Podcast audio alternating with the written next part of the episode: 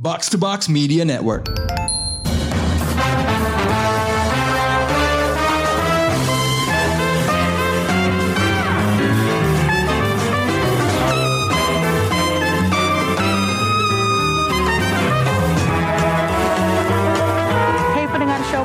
Kali ini Showbox mau mereview 4 film pendek sekaligus.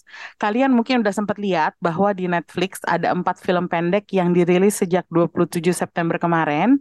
Film-film ini digarap oleh Wes Anderson dan semuanya berasal dari cerita-cerita pendek karya Roald Dahl. Misalnya kalian lupa siapa Roald Dahl, dia adalah pencipta karakter-karakter ternama seperti Willy Wonka yang punya Chocolate Factory, dia juga menciptakan karakter Matilda, anak perempuan pintar, suka buku dan bisa telekinesis. Atau kalau misalnya kalian ingat film Steven Spielberg, ada Big Friendly Giant, itu juga karakter ciptaan Roald Dahl. Tapi Roald Dahl nggak cuma bikin cerita buat anak-anak ya. Semua penggemar sastra tuh udah tahu bahwa Roald Dahl juga banyak nulis cerpen dan tema-temanya biasanya lebih dewasa dan lebih grounded dibanding cerita anak-anak yang fantasy dan whimsical. Jadi kalau bukunya kebanyakan itu cerita children's, children's stories, cerpennya itu lebih buat orang dewasa gitu. Jadi nggak heran kalau ada sutradara seperti Wes Anderson yang tertarik buat menjadikannya adaptasi film. Nah sebelum kita masuk ke bahasan tentang film-film pendek yang dibuat sama Wes Anderson, gue tuh pengen sharing bahwa dua dari cerita pendek yang ada di Netflix ini tuh diangkat dari antologi cerpen yang sama. Judulnya The Wonderful Life of Henry Sugar and Six More. Itu koleksi cerpen, empat di antaranya fiksi, yang tiga lainnya non fiksi. Nah, dari empat yang fiksi itu, semuanya gue suka. Bahkan waktu SMA, gue pernah ikut acara storytelling bahasa Inggris, dan gue mengadaptasi cerpen pertama di buku itu, The Boy Who Talked with Animals, sebagai naskah gue gitu. Dan boleh dibilang, Henry Sugar adalah cerpen favorit gue sepanjang masa, dan gue suka banget sama twist and turns yang terjadi di cerita ini. Banyak lagi cerita-cerita di koleksi buku ini yang bikin gue apa ya uh, charm gitu kayak wah ceritanya tuh semuanya charming gitu nah tapi di antara koleksi film pendek Wes Anderson yang di Netflix pilihan judulnya juga sebenarnya bagus banget kalau menurut gue selain Henry Sugar yang paling panjang dan ceritanya sesuai banget sama cerita di buku ada The Swan yang Very Heartbreaking, ini juga dari koleksi yang sama seperti Henry Sugar. Terus ada Poison, itu nunjukin agak-agak betapa rasisnya orang Inggris ya pada saat itu. Terus ada Ratcatcher yang ternyata creepy banget. Gue inget banget baca cerita ini dan gue sempat waktu itu kayak, hah, jadi maksudnya Ratcatcher itu beneran tikus gitu. jadi nggak cuma jadi materi adaptasi yang bisa dimainin sama film uh, filmmaker semacam Wes Anderson, tapi cerita-cerita ini tuh cocok banget untuk ditampilin dengan gaya visual yang unik. Yang juga nunjukin bahwa Roald Dahl itu nggak selalu ceritanya ringan dan fantasi dan fun buat anak-anak. Tapi justru juga menampilkan sisi kelam manusia gitu. Nah, makanya nih, gue sekarang pengen tahu di antara Rengga sama Krisna.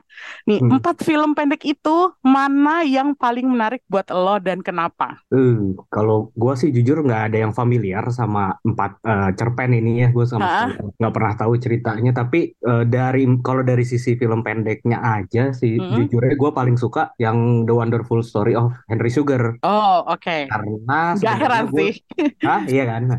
Karena sebenarnya gue lumayan nganggep apa ya, wah ini gue bisa dicaci maki nih. Kenapa? gue lumayan nganggep Wes Anderson tuh udah lumayan overrated ya. Terus kayak oh. dia tuh udah lumayan apa ya, one trick pony banget. Kayak hmm. uh, gaya quirky gitu kan. Terus ensemble hmm. cast, terus apa, ya style for substance gitulah. Uh, mm mas dan masalah itu juga berulang-ulang diulangi di filmnya kan apalagi mm. uh, French Dispatch gitu kayak wah udah bosen banget gitu kan Nah, ternyata gue bisa ngelihat akhirnya ternyata style dia itu emang cocoknya justru ditaruh di uh, film pendek yang gayanya teater banget kayak gini gitu. Jadi kayak ah, ya, ya, ya. semua stylenya tuh bisa keluar tanpa ganggu momen gue buat mencerna ceritanya gitu loh.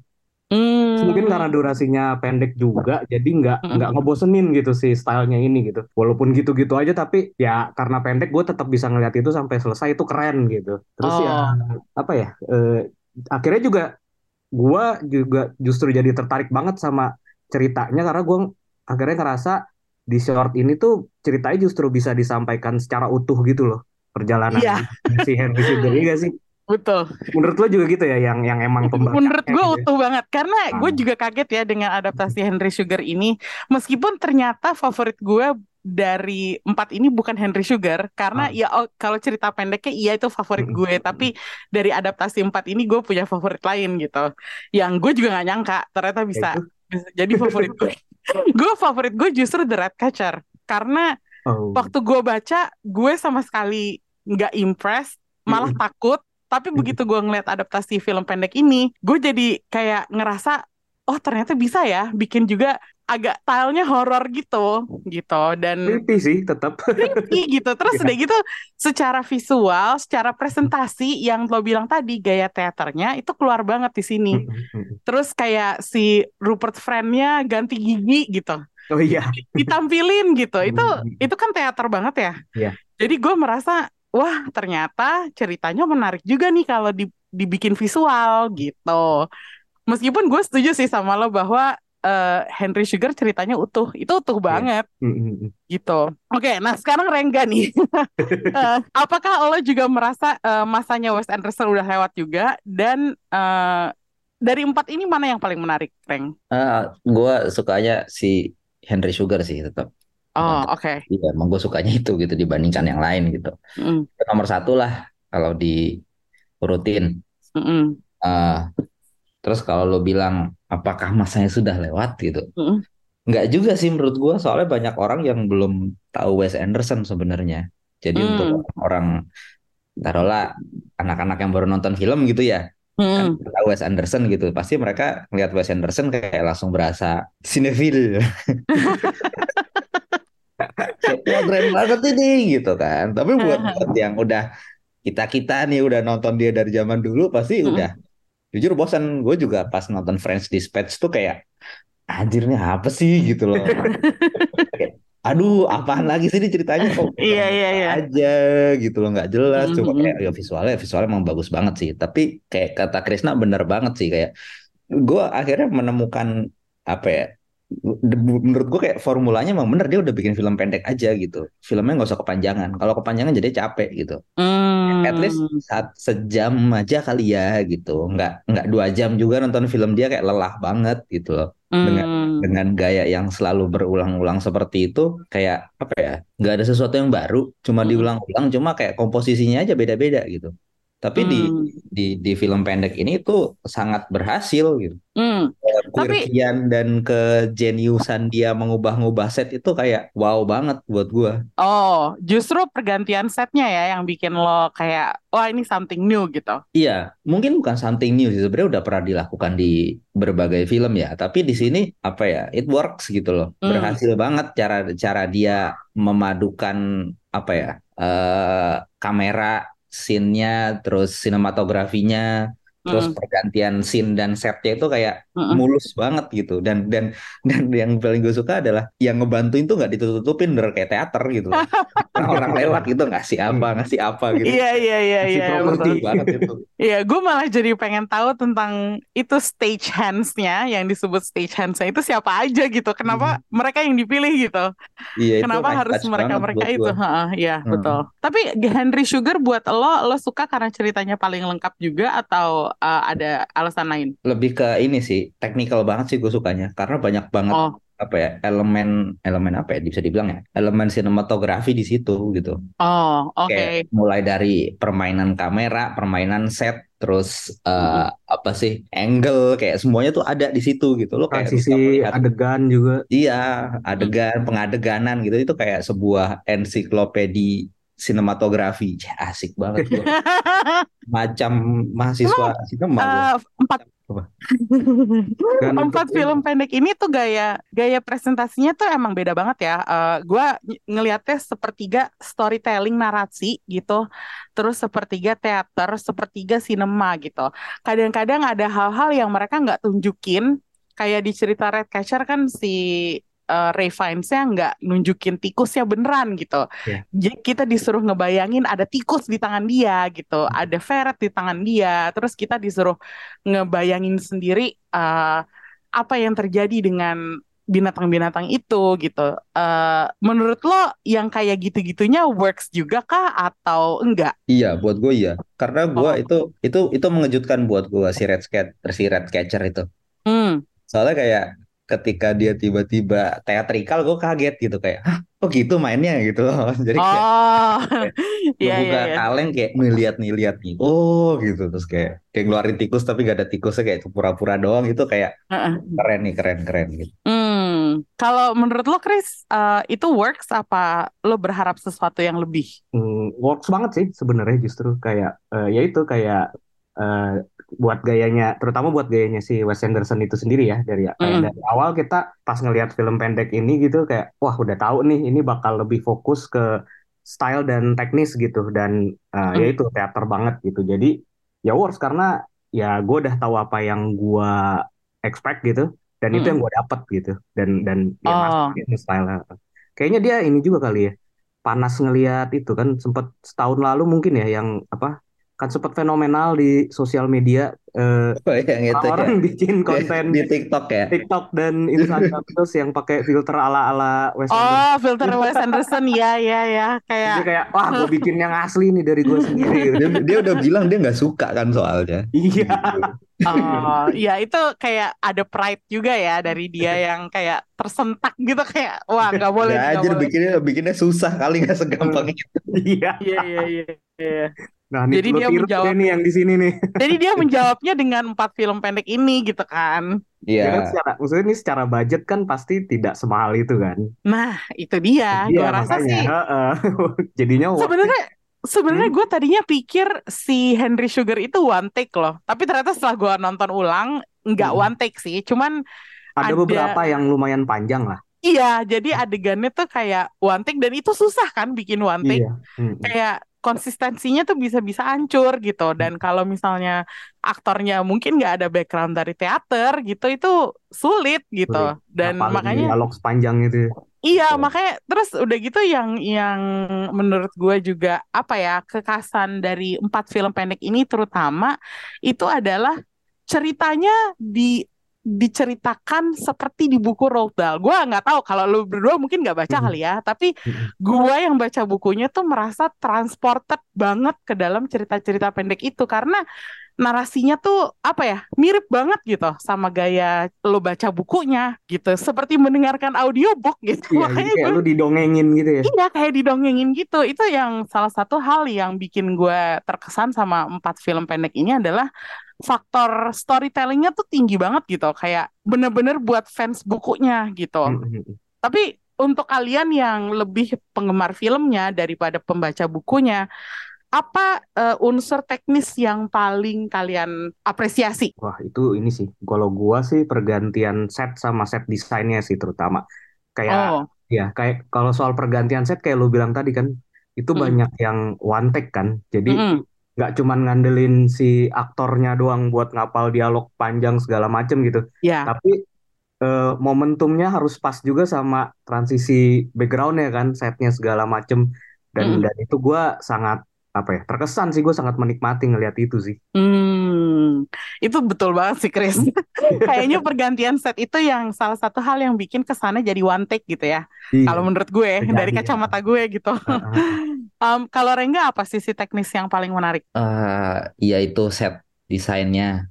Terus mm -mm. pergantian-pergantian setnya itu di Henry mm -mm. Sugar kan mulus banget ya. Mm -mm.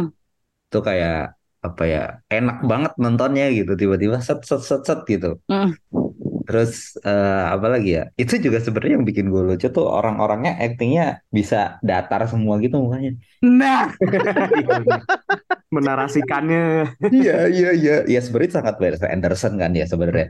Tapi yeah. lucu banget menurut gue mereka bisa ngomong apa apa terus ngeliat ke kamera gitu kan. Itu beneran kayak apa ya ya mungkin te teater juga kali ya teatrikal juga kali ya. Semuanya kayaknya hmm. backgroundnya teater ya man? Kayaknya gitu sih. Gue nggak tahu iya, kalau di Tayo ada ya kan. cuman kayak hmm. aktor-aktor Inggris ini kan kebanyakan dari teater ya. Iya. Iya jadi mereka kayak nggak canggung aja sebenarnya berakting di set. Itu kan set semua sebenarnya kan? Iya. Iya iya makanya kayak ya udah lepas aja main di set udah berasa kayak main di teater gitu itu sih yang gue uh, sangat menikmati pergantian set ya terus gimana orang-orangnya berakting tanpa tanpa canggung gitu loh di situ. Hmm. Kayak flow-nya tuh enak banget tontonnya gitu. Jadi ya gue juga menikmati. Gue tertarik lo ngomong tentang castnya ya, karena gue merasa kalau castnya orang lain selain dari aktor-aktor ini, gue jadinya sekarang nggak kebayang gitu. Kayak kalau misalnya dia masukin satu aktor aja yang hmm. bukan punya background teater gitu, misalnya nah. dia aktor yang apa ya lebih kayak aktor Hollywood tak inilah. Ya, atau Hollywood mungkin kayak, kayak contohnya Harry Styles saja dimasukin.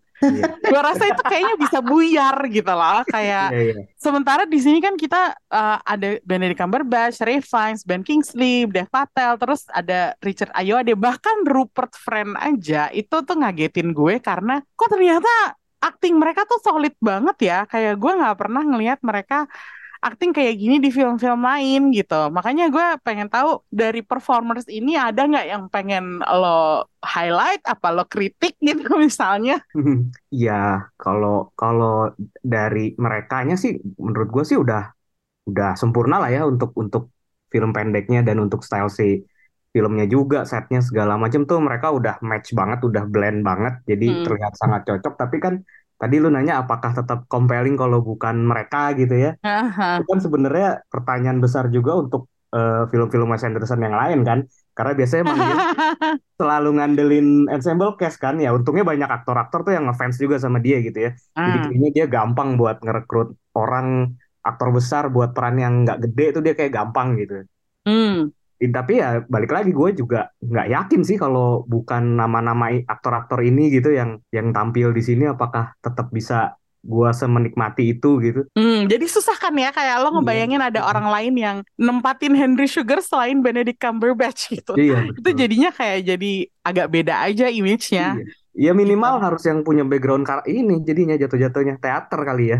Hmm, iya itu dia makanya gue jadi kayak uh, gue kepikiran Harry Styles gitu kan karena ceritanya kan dia lagi pengen jadi aktor serius nih gitu. Tapi kayaknya kalau untuk gaya yang kayak gini belum tentu cocok gitu. Iya. Menurut lo gimana, Reng?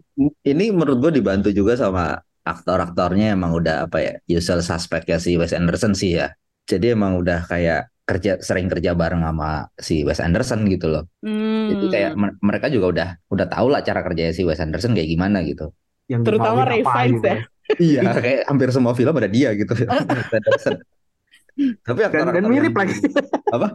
Mirip karakter. Iya, iya. Harus diakui mirip semua kan?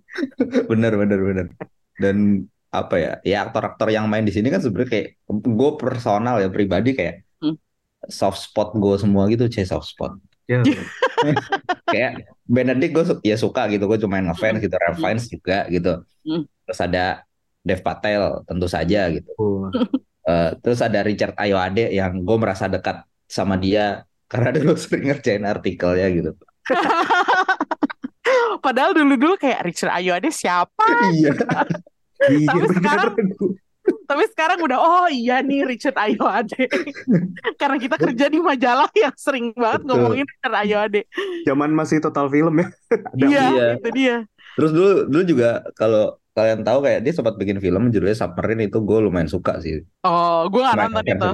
Gue iya. nonton itu. Submarine tuh yang film Inggris coming of age gitu deh. Settingnya tahun lupa. berapa ya? 80-an apa? 70-an gitu gue lupa. 80-an kayak deh. Itu gitu. film agak susah dicari sih kalau buat gue iya. zaman itu. kayak makanya gue nggak heran gue nggak nonton tapi gue tahu namanya Richard Ayoade tapi sekarang kita udah bisa nonton dia di sebuah film Wes Anderson gitu dia udah naik derajat jadi aktornya Wes Anderson iya. gitu. dulu kan dia dari dari kritikus terus ketika si Saprin keluar itu kayak Hah, ini yang bikin Richard Ayoade. Ini cuma nulis kok sekarang bikin film gitu. Sekarang sekarang main film gitu kan. Iya itu dia. Makanya ternyata talentnya gede juga ya dan iya. uh, meskipun peran dia di sini ya nggak segede Ray Fiennes atau Ben Cumberbatch gitu tapi presence-nya tuh kerasa gitu. Dan gue juga merasa itu dari si Rupert Friend ini karena ini satu aktor Inggris yang kayaknya namanya nggak pernah gede-gede banget gitu tapi lumayan ternyata, underrated ya dia Iya underrated banget sih kalau menurut gue. Makanya hmm. ternyata di sini oh kok penampilannya bagus banget gitu. Dan ternyata di uh, judul yang gue suka which is Red Catcher kan nggak ada Cumberbatch-nya, nggak ada nama-nama gedenya gitu. Yang ada cuman si Ray Fiennes sama Ayo Ade sama si Rupert Friend gitu. Oh, iya. Dan Hmm. jadi Rupert Friend-nya malah malah di highlight sebagai tikus satunya. masih gue masih nggak habis mikir dia kayak pakai gigi tikus di depan kamera terus berantem sama Ray. Pelotot-pelototan malah Iya, repot. pelotot-pelototan gitu. Makanya gue eh gue lumayan seneng sih dia eh, film empat empat film pendek ini meng-highlight aktor-aktor yang tadinya gue nggak sangka bakal bisa perform sebagus ini gitu. Em, Nia, tapi kan Wes Anderson tuh udah pernah mendirect satu cerita Roald Dahl yaitu Fantastic Mr. Fox. Tapi itu animasi stop motion. Lo apakah pernah nonton film itu dan eh, apakah lo eh, menyukai adaptasi Wes Anderson yang itu? Karena itu dari Roald Dahl juga ya. Dan lo prefer mana, live action apa animasi? Seinget gue si Rengga suka banget nih Fantastic Mr. Fox. Jadi silakan panggungnya. Eh, iya betul. Saya Hmm. mengiyakan. Iya itu salah satu film animasi favorit gue sih, Fantastic Mr. Fox tuh. Oh, Iya, soalnya apa ya? Zaman itu ketika gue nonton itu kayak, "Anjir, ini keren banget sih gitu bisa bikin kayak gini gitu. Film hmm, ap- apa ya? Eh, nggak bisa dibilang halus, halus ya, bisa dibilang. Terusnya waktu itu kan juga ada banyak film stop motion ya. Tapi menurut gue nih film stop motion itu entah kenapa ya unik aja lo nonton Wes Anderson versi ani stop motion gitu kayak beda aja gitu. Terus beda sama versi Laika gitu ya misalnya. iya beda sama versi Laika gitu loh. Laika kan kayak action banget gitu kan. Mm-mm. Kalau ini kayak apa sih lu menceritakan menceritakan rubah yang punya keluarga terus Keluarga kehidupan, rubah. kehidupan everyday life gitu. Slice of life ya rubah gitu aneh Mm-mm. banget. Terus banyak jokesnya tuh lucu gitu. Gue itu yang paling gue inget jokesnya lucu kayak apa ya ini ini menurut si Fantastic Mr. Fox itu filmnya Wes Anderson yang paling lucu yang pernah gue inget buat gue Oh, oke. Pokoknya gue suka banget gitu selain dari stop motionnya ya Mm-mm. Di eh, empat cerita pendek ini dia juga sempat pakai stop motion sih, terutama di Redcatcher ya waktu Oh ya dia tikusnya ya. taruh tikus boneka ya. tikus Hmm, di atas ya. apa ya di atas eh, tangki gas gitu kan, terus Ah. em, tiba-tiba tikusnya gerak gitu. Itu kan sedikit-sedikit pakai stop motion juga ya. Jadi kalau Ya. lo lebih suka live actionnya Wes Anderson apa animasinya, Reng? Gua sih eh animasinya lagi gue lebih suka. oh ya, Iya, ya nggak apa-apa sih, nggak apa-apa nggak sih. apa-apa. Eh, Filmnya di apa ya? Film film yang dia paling gue suka itu Wes Anderson Darjeeling Limit sebenarnya Oh, yang paling gue suka. gue nggak selesai nonton itu. Itu yang paling gue suka justru. Oh, Darjeeling Limit baru sih eh Grand Budapest. Moonrise, oh, Moonrise Kingdom. Moonrise kesekian sih itu. Tapi hmm. itu, itu juga suka banget sih gue. Itulah kurang lebih empat. Tapi berarti top eh, top favorit lo adalah tetap Fantastic Mr. Fox ya? Iya. heeh. Oh, oke. Wah, berarti animasinya dia lebih selera lo ya daripada film-film live Iya. actionnya. Dia dia habis itu kan sempat bikin I Love Dog kan. Iya. Ya, I Love Dog. ha. Yang Iya. gue nggak berani nonton juga karena takut sedih. Cerita binatang ya. Itu gue kurang kurang suka sih sebenarnya. Nah, maksudnya Hmm. kurang suka sih, B aja gitu. Hmm. Tapi entah kenapa itu salah satu favoritnya bunga justru. I love I that. Love Dogs. Hmm. Iya, I Love Dogs. Oh, oke. Ya, beda aja gitu. Tapi gue kurang kurang nangkap sih itu maksudnya. Hmm. Tapi ini ya, em, kalau balik lagi ke Roald Dahl, itu kan yang biasanya diadaptasi dari cerita-cerita Roald Dahl, lo pasti udah tahu lah, itu cerita anak-anak semua.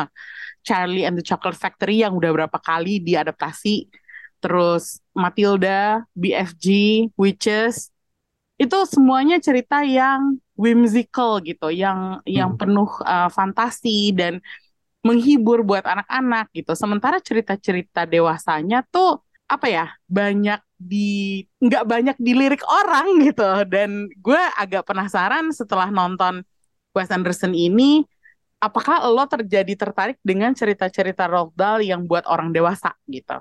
Eh, gua sih eh, setelah lihat Henry Sugar ya terutama Mm-mm. dan c- ternyata ceritanya menarik banget buat gua. Eh, Mm-mm. Jadinya perjalanan karakternya dan orang-orang yang dia temuin yang gua lihat di film pendek ini tuh jadinya pengen gue lihat juga sih dalam versi apa ya feature film gitu dengan ah uh, uh, dia itu itu sih paling menarik gue juga kurang tahu ya karya-karya Roald Dahl yang lain gitu yang belum Mm-mm. pernah diangkat Mm-mm. tapi dari empat ini setelah ngeliat ini gue ngerasa film apa Henry Sugar nih kalau dibikin film jadi bisa apa ya bisa mungkin gue ngebayangin kalau film ini tuh dibikin dengan style kayak eh, Big Fish Big Fish-nya eh aku gue lupa namanya Tim Burton. Hah? Tim Burton.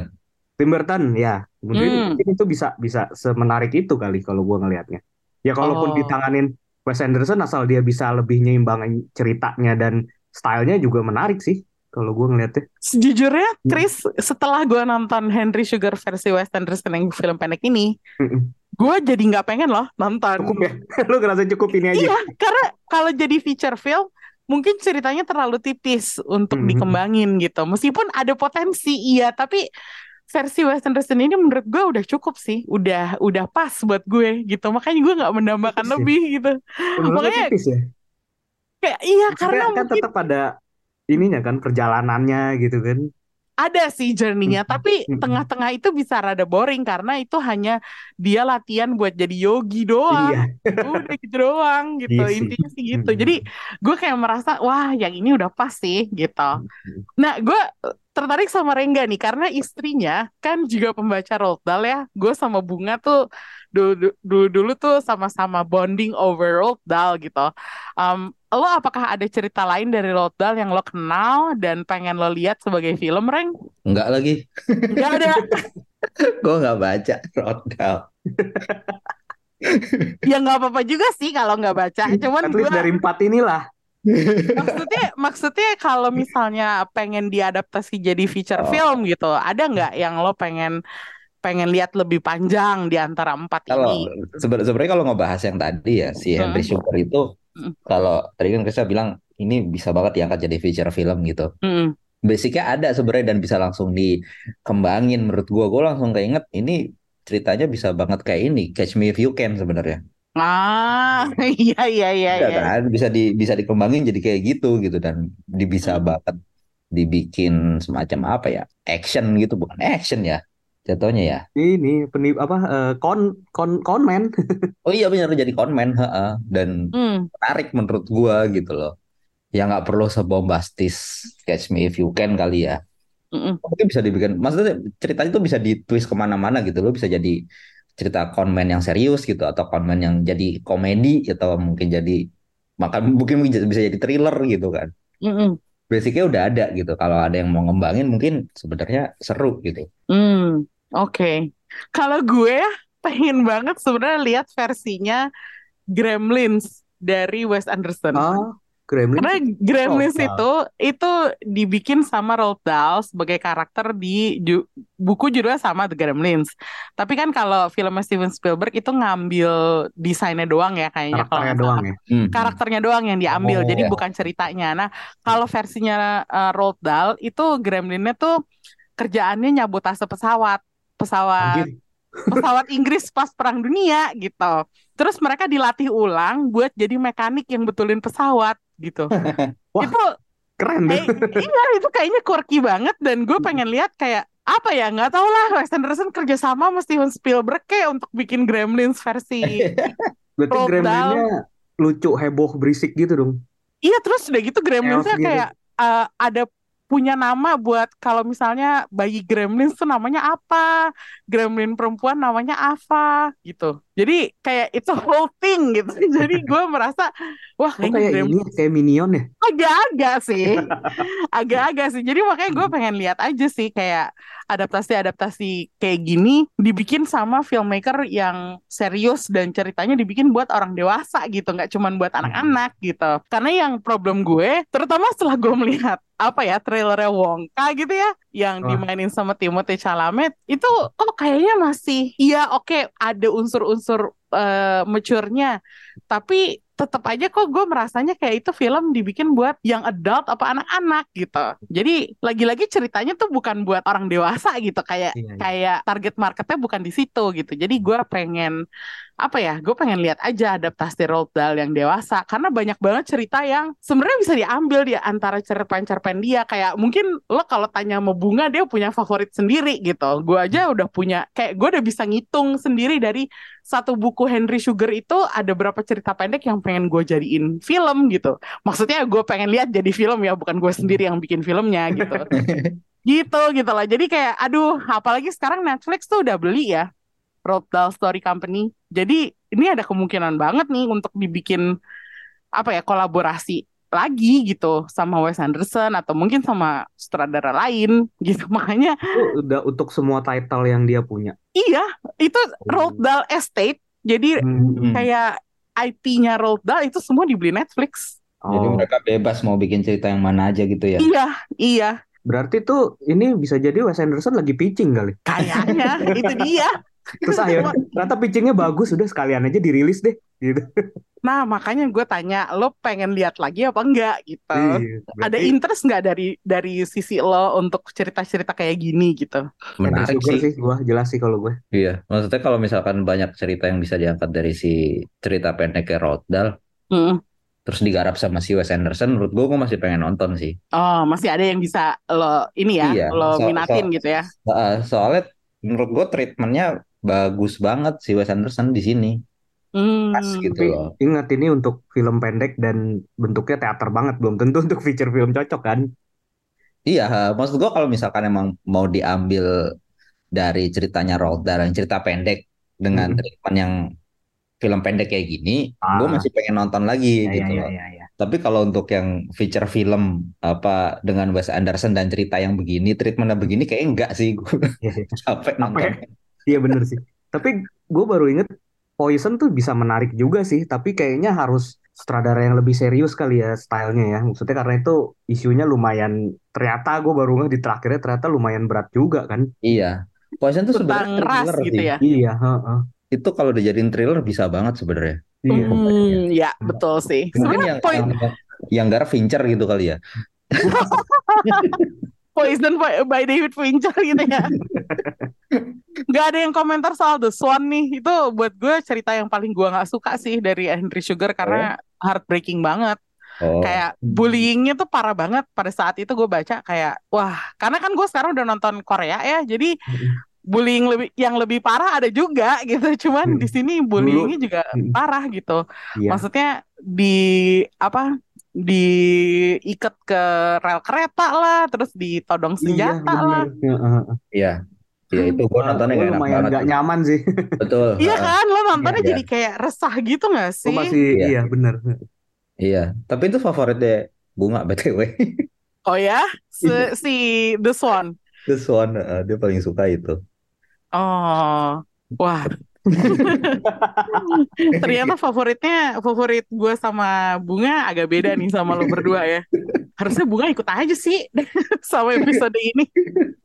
Anyway, um, gue sebenarnya setuju sih sama observasi lo uh, tentang Wes Anderson ya karya-karyanya. Gue juga sebenarnya bukan fans beratnya Wes Anderson banget. Gue bukan kayak pemuja dia kan ada kan beberapa cinephile gitu hmm. yang kayaknya memuja-muja Wes Anderson sebagai wah pokoknya dewa banget gitu uh, gue nggak gitu gitu jadi Royal Tenenbaums gue nggak nggak paham letak bagusnya di mana French Dispatch gue kayak I give up after 15 minutes gitu. iya sama gitu terus bahkan dari Jiling Limited gue juga nggak selesai gitu.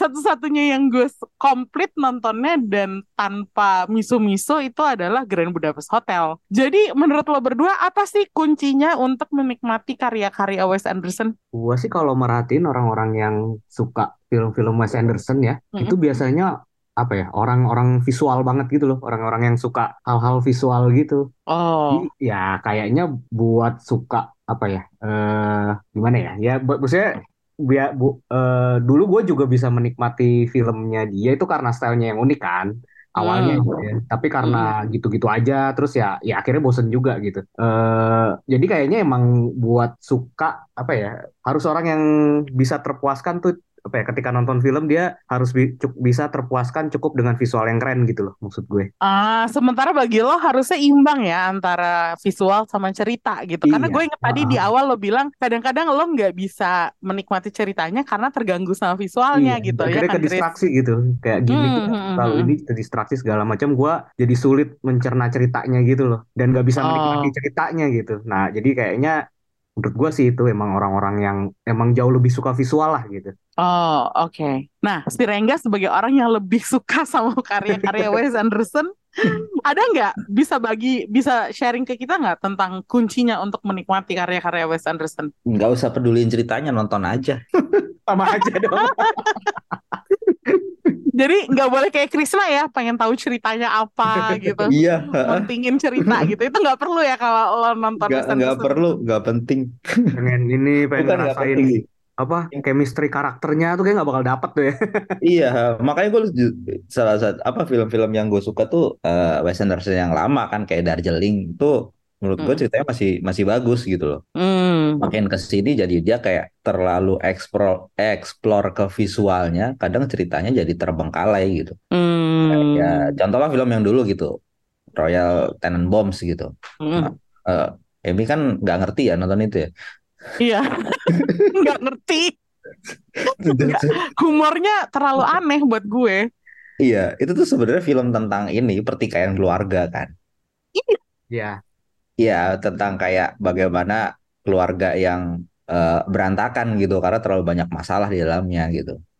Mm. Dan itu masih menurut gue masih ceritanya masih dapet gitu walaupun unsur visualnya tetap ada, ceritanya juga ada gitu. Tapi makin ke sini kan makin kayak yang penting bagus gitu gambarnya. Mm. Gitu. Gue ngeliatnya kayak gitu. Makanya ketika yang kemarin apa French Dispatch, gue juga udah mulai bosan sebenarnya kayak ini apa sih ceritanya? Nggak jelas banget. Nggak ada korelasinya satu sama lain gitu. Tapi lah selesai nonton ya si enggak. French Dispatch. Oh enggak, enggak juga? Enggak. Kayak tiga OTT semua kita nontonnya ya. Iya. Karena di OTT bisa aja klik stop ya udah iya. tinggalkan gitu. Iya gue gue kayak antar dulu deh gitu. Tapi kemudian kayak setahun kemudian kayak oh gue lupa ini ya Makanya Jadi intinya ya dulu bisa kan masih bisa mengimbangi stylenya dengan cerita gitu tapi ya belakangan ya kayaknya lebih fokusnya justru ke visual aja akhirnya. Iya. Tapi gue nah belum nonton sih yang baru si Asteroid City. Apakah masih kayak gitu atau enggak ya? Nah iya. Kayaknya sih masih sih Reng. Soalnya kalau ngeliat trailernya sih masih banget ya. Kalau ngelihat trailernya emang masih banget ya. Terus kayak sebenarnya The Grand Budapest Hotel aja ceritanya tuh belum gue belum masuk ke ceritanya sampai setengah film itu itu waktu yang hmm. lama banget buat dia set up suatu kasus gitu ya hmm. suatu plot twist uh, yang di belakang gitu jadi uh, sebenarnya gue akhirnya menyadari bahwa kalau si Wes Anderson bikin naskahnya bukan dari Roald Dahl, mungkin gue nggak akan tertarik itu sih intinya. ini gue nonton film-film pendek ini cuman karena itu cerita pendeknya Roald Dahl dan yang bikin kebetulan nama sebesar Wes Anderson gitu. Tapi hmm. kalau bukan Roald Dahl mungkin kayak gue nggak bakal nonton. Hmm. Jadi apa ya? Ya gue masih lebih mentingin cerita sih. Makanya gue mendengar analisa lo tentang jangan peduliin ceritanya. Gue jadi kayak ya ya nggak cocok dong sama gue. Tapi itu, itu itu itu analisa gue ke sini ya. Maksudnya Wes Anderson iya, iya. ya. Kalau yang kemarin-kemarin masih masih masih bagus ceritanya gitu. Oh gitu ya. Berarti gue uh, aja yang nggak cocok ya kayaknya sama cerita. Kayaknya iya sih. sampai sebenarnya gue sampai Moonrise Kingdom tuh masih masih suka sih sebenarnya gue. Masih oke okay sebenarnya nah. Moonrise Kingdom oh. ceritanya. gue nggak nonton sih Moonrise Kingdom. Hmm. Grand Budapest tuh udah mulai ini sebenarnya warning buat gue gitu karena ketika nonton itu gue juga wah ini berat di style doang ya walaupun masih oke okay gitu ya gue masih bisa menikmati tapi terus ternyata ya udah gongnya di French Dispatch sih kayak wah udah deh gue udah nggak cocok lagi nih kalau dia masih gini aja gitu ya di Waduh. apa Grand Budapest itu menurut gue picknya Wes, Wes Anderson sih di oh, dia ya, secara visual ya. bagus banget tapi mm. ceritanya juga masih ada gitu mm. masih masih jadi masih masih berimbang dan itu kayak udah puncaknya dia gitu ketika udah masuk ke French Dispatch sudah udah turun banget buat gua gitu. Hmm. Gak tahu kalau orang lain sih ya. ya, Asteroid City bisa lebih seimbang lagi filmnya. Iya. gue gak komen gue gak komen Sunrise City harus di ya gue penasaran gue penasaran sih tetap buat nonton ya tapi ya gue nggak janji gue belum udah belum tahu kan ya bakal dirilis di sininya OTT atau apa gitu ya yeah. kalau misalnya di OTT gue nggak janji selesai juga sih kalau masih kayak, kayak gitu ternyata iya itu dia kayak kemarin French Dispatch aja gue rasa gagalnya gara-gara OTT kayaknya Iya. Ya mungkin bisa jadi sih nggak tahu juga ya. Tapi uh, dugaan gue begitu. Sekarang saatnya kita kasih rating buat koleksi pen empat film pendek Roald Dahl yang digarap Wes Anderson di Netflix ini. Um, nggak boleh cuma nilai Henry Sugar doang ya, harus empat empatnya lo nilai. Ya digabung semuanya. Jadi berapa bentang yang bakal lo kasih? Gue tiga setengah lah. Tiga setengah ya dari Krisna. Kalau dari Rengga? Lama gue tiga setengah. Tiga setengah. Kalau iya. dari gue empat bintang karena uh, banyak hal yang surprising yang muncul hmm. dari koleksi ini gitu. Tapi ya nggak apa-apa lah tiga setengah, it's respectable scoring gitu. Um, itulah tadi review kita buat koleksi film pendek Wes Anderson yang diadaptasi dari cerpen Roald Dahl. Semuanya bisa ditonton di Netflix dan di Netflix juga ada dua film Matilda yang bisa kalian nikmatin.